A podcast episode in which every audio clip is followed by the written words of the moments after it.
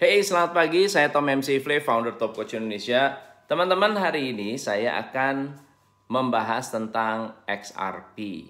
Mengapa XRP turun dan ada gejolak apa yang teman-teman harus ketahui di mana pemahaman informasi ini akan membuat Anda mengerti tentang perbedaan cryptocurrency hari ini dengan cryptocurrency 10 tahun yang lalu.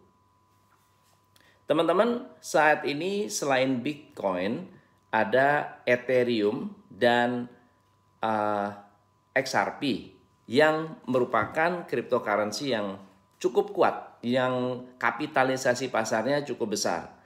Nah, Ripple pernah menjadi yang terbesar ketiga.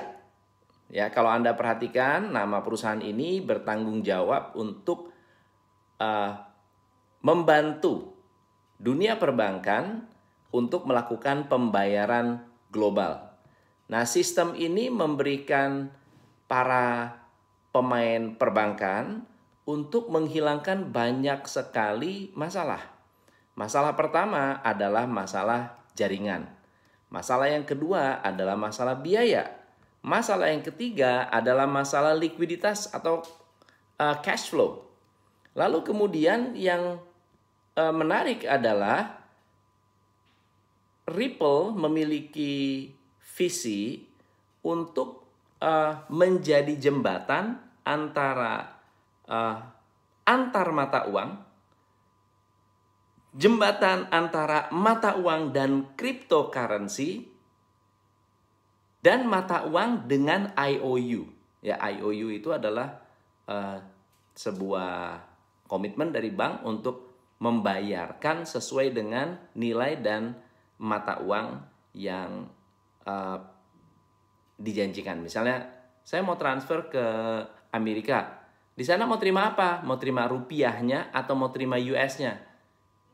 Kalau Anda bilang, oh saya mau terima US-nya, itu namanya IOU. Jadi Anda terim, kirim uh, rupiah, keluarnya US dollar. Nah kalau zaman sekarang bagaimana? Saya punya uang rupiah, Kemudian saya mau transfer misalnya ke Nicaragua atau misalnya ke daerah yang antah berantah yang mata uangnya nggak jelas. Mungkin nggak? Tidak bisa langsung. Maka harus ada satu uh, jaringan yang diterima oleh US do, uh, uh, rupiah dan juga diterima oleh mata uang Nicaragua, gitu ya yaitu US dollar. Nah, XRP berperan sebagai US dollarnya di dalam digital currency. XRP itu adalah mata uangnya, koinnya, asetnya, company-nya namanya Ripple. Oke, jadi saya jelaskan juga nanti nih teman-teman yang uh, pernah bingung dengan nama XRP atau Ripple atau RippleNet dan seterusnya. Nah, XRP itu adalah nama yang diberikan untuk digital coinnya atau digital currency-nya. Nah, tapi yang menarik adalah Ripple juga bukan apa XRP juga bukan bukan uh, uh, biasa ya, koinnya berbeda.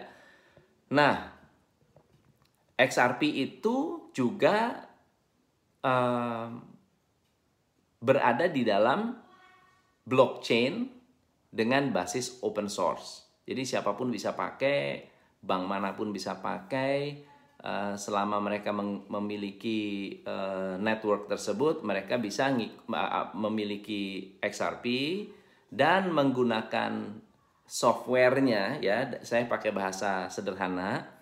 Uh, menggunakan software tersebut akhirnya bisa masuk ke dalam jaringan RippleNet, oke, okay? untuk transaksi ke seluruh bank di seluruh dunia, oke. Okay? Ripple sendiri adalah perusahaan teknologi, oke, okay? perusahaan teknologi yang membuat atau membangun RPP.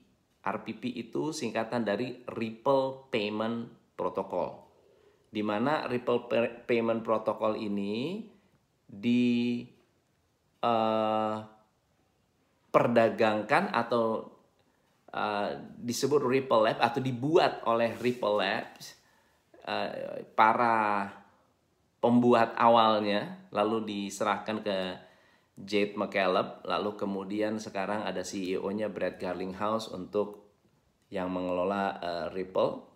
Uh, dan sekarang sedang bermasalah nih. Sedangkan RippleNet ini adalah jaringannya jadi sekarang saya mau tanya apa yang menyebabkan masalah di dunia uh, cryptocurrency apa yang menyebabkan si XRP ini ancur-ancuran. Sekarang kalau Anda memperhatikan, kita bicara soal ini ya, kita berbicara soal um, peraturan yang membuat XRP ini tersandung. Oke. Okay?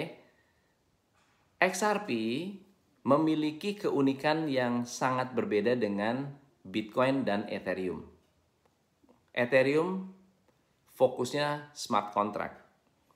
Uh, Bitcoin fokusnya adalah uh, store of value ya seperti emas gitu ya dia menyimpan uang di mana saya mau terima mau nyimpan duit nah duitnya di disimpan di Bitcoin nah XRP ini beda XRP ini kombinasi antara dua-duanya ada smart contractnya dan ada koinnya yang jadi tantangan adalah kalau Bitcoin itu desentralisasi, XRP adalah sentralisasi.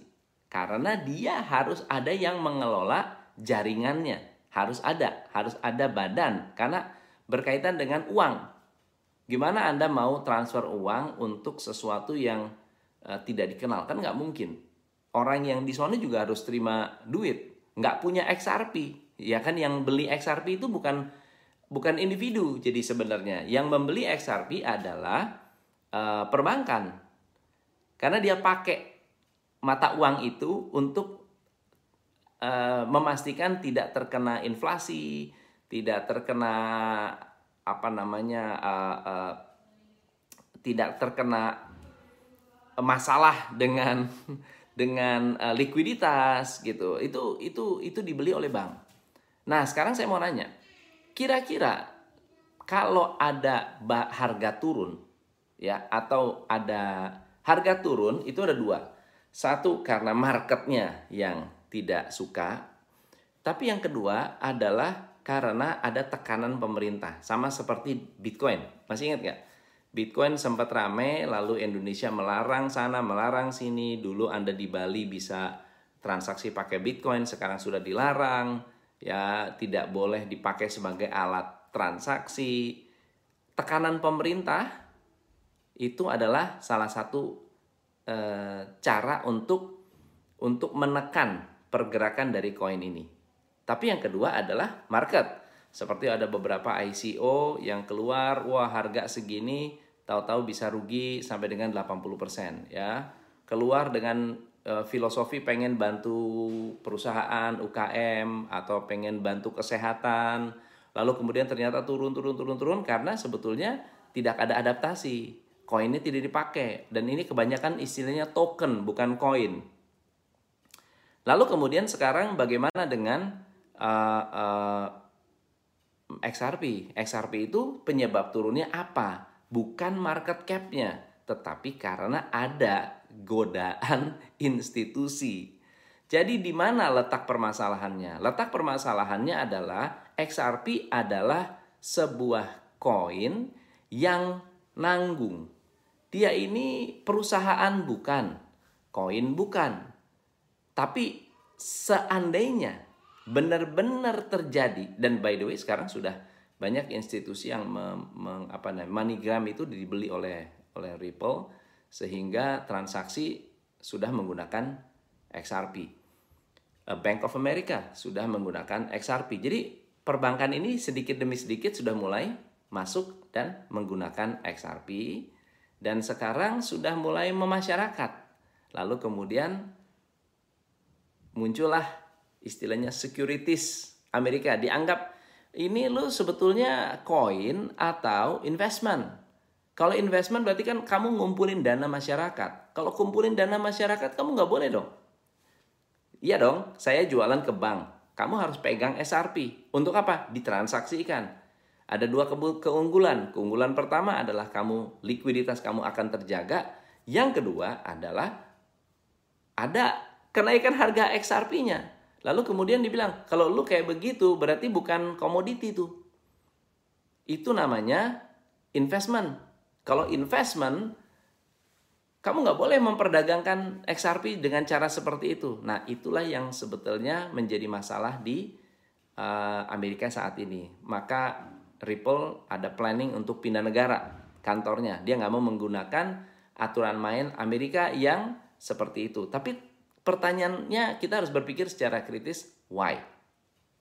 Why-nya adalah Anda tadi tahu bahwa kalau Anda transfer rupiah ke yen, di mana yen dan rupiah tidak ada kerjasama atau di, di Jepang tidak pakai rupiah juga, maka butuh ada intermediary atau jembatan. Jembatannya US dollar. Saya beli US, kirim US, setelah Jepang terima US, ditukar ke yen.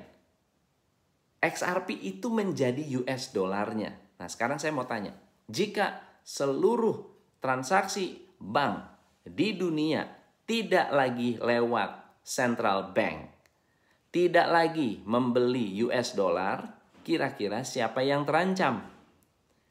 Yang terancam adalah seluruh mata uang dunia. Seluruh mata uang dunia. Termasuk yang paling terancam adalah US dollar. Ya, US dollar itu terancam berat. Ya, kenapa seluruh mata uang dunia terancam? Karena uangnya nggak ke mana-mana. Ya, misalnya contoh gini, saya punya rupiah. Rupiahnya akan bertahan tetap ada di Indonesia yang pindah itu XRP-nya. Sama seperti yang pindah itu US dolarnya. Paham nggak ya? Yang pindah itu US dolarnya. US dolarnya ditukarkan ke sana. Dia sebagai jembatan. Saya beli US, US-nya terbang, US-nya ditukarkan. Sama seperti ini. XRP-nya yang akan bergerak dan XRP-nya yang akan membesar. XRP ini suatu saat akan berhenti di sekian juta, eh, sekian billion Eh, XRP, setelah itu dia akan naik terus harganya. So pertanyaan saya adalah mengapa turun? Saya selalu akan curiga ketika turun ada institusi yang ingin menggunakan dengan membeli harga murah. Semua bisnis, semua stock market ya. Coba Anda perhatikan di 2008 terjadi bubble property. Oke, yang membuat masalah adalah bank. Harga-harga jadi hancur, harga properti hancur. Pertanyaan saya, coba dicek siapa yang membeli properti itu. Yang membeli bank lagi. Jadi bank mengakuisisi properti dengan cara menciptakan sebuah um, sentimen negatif tentang properti yang akhirnya membuat properti menjadi hancur.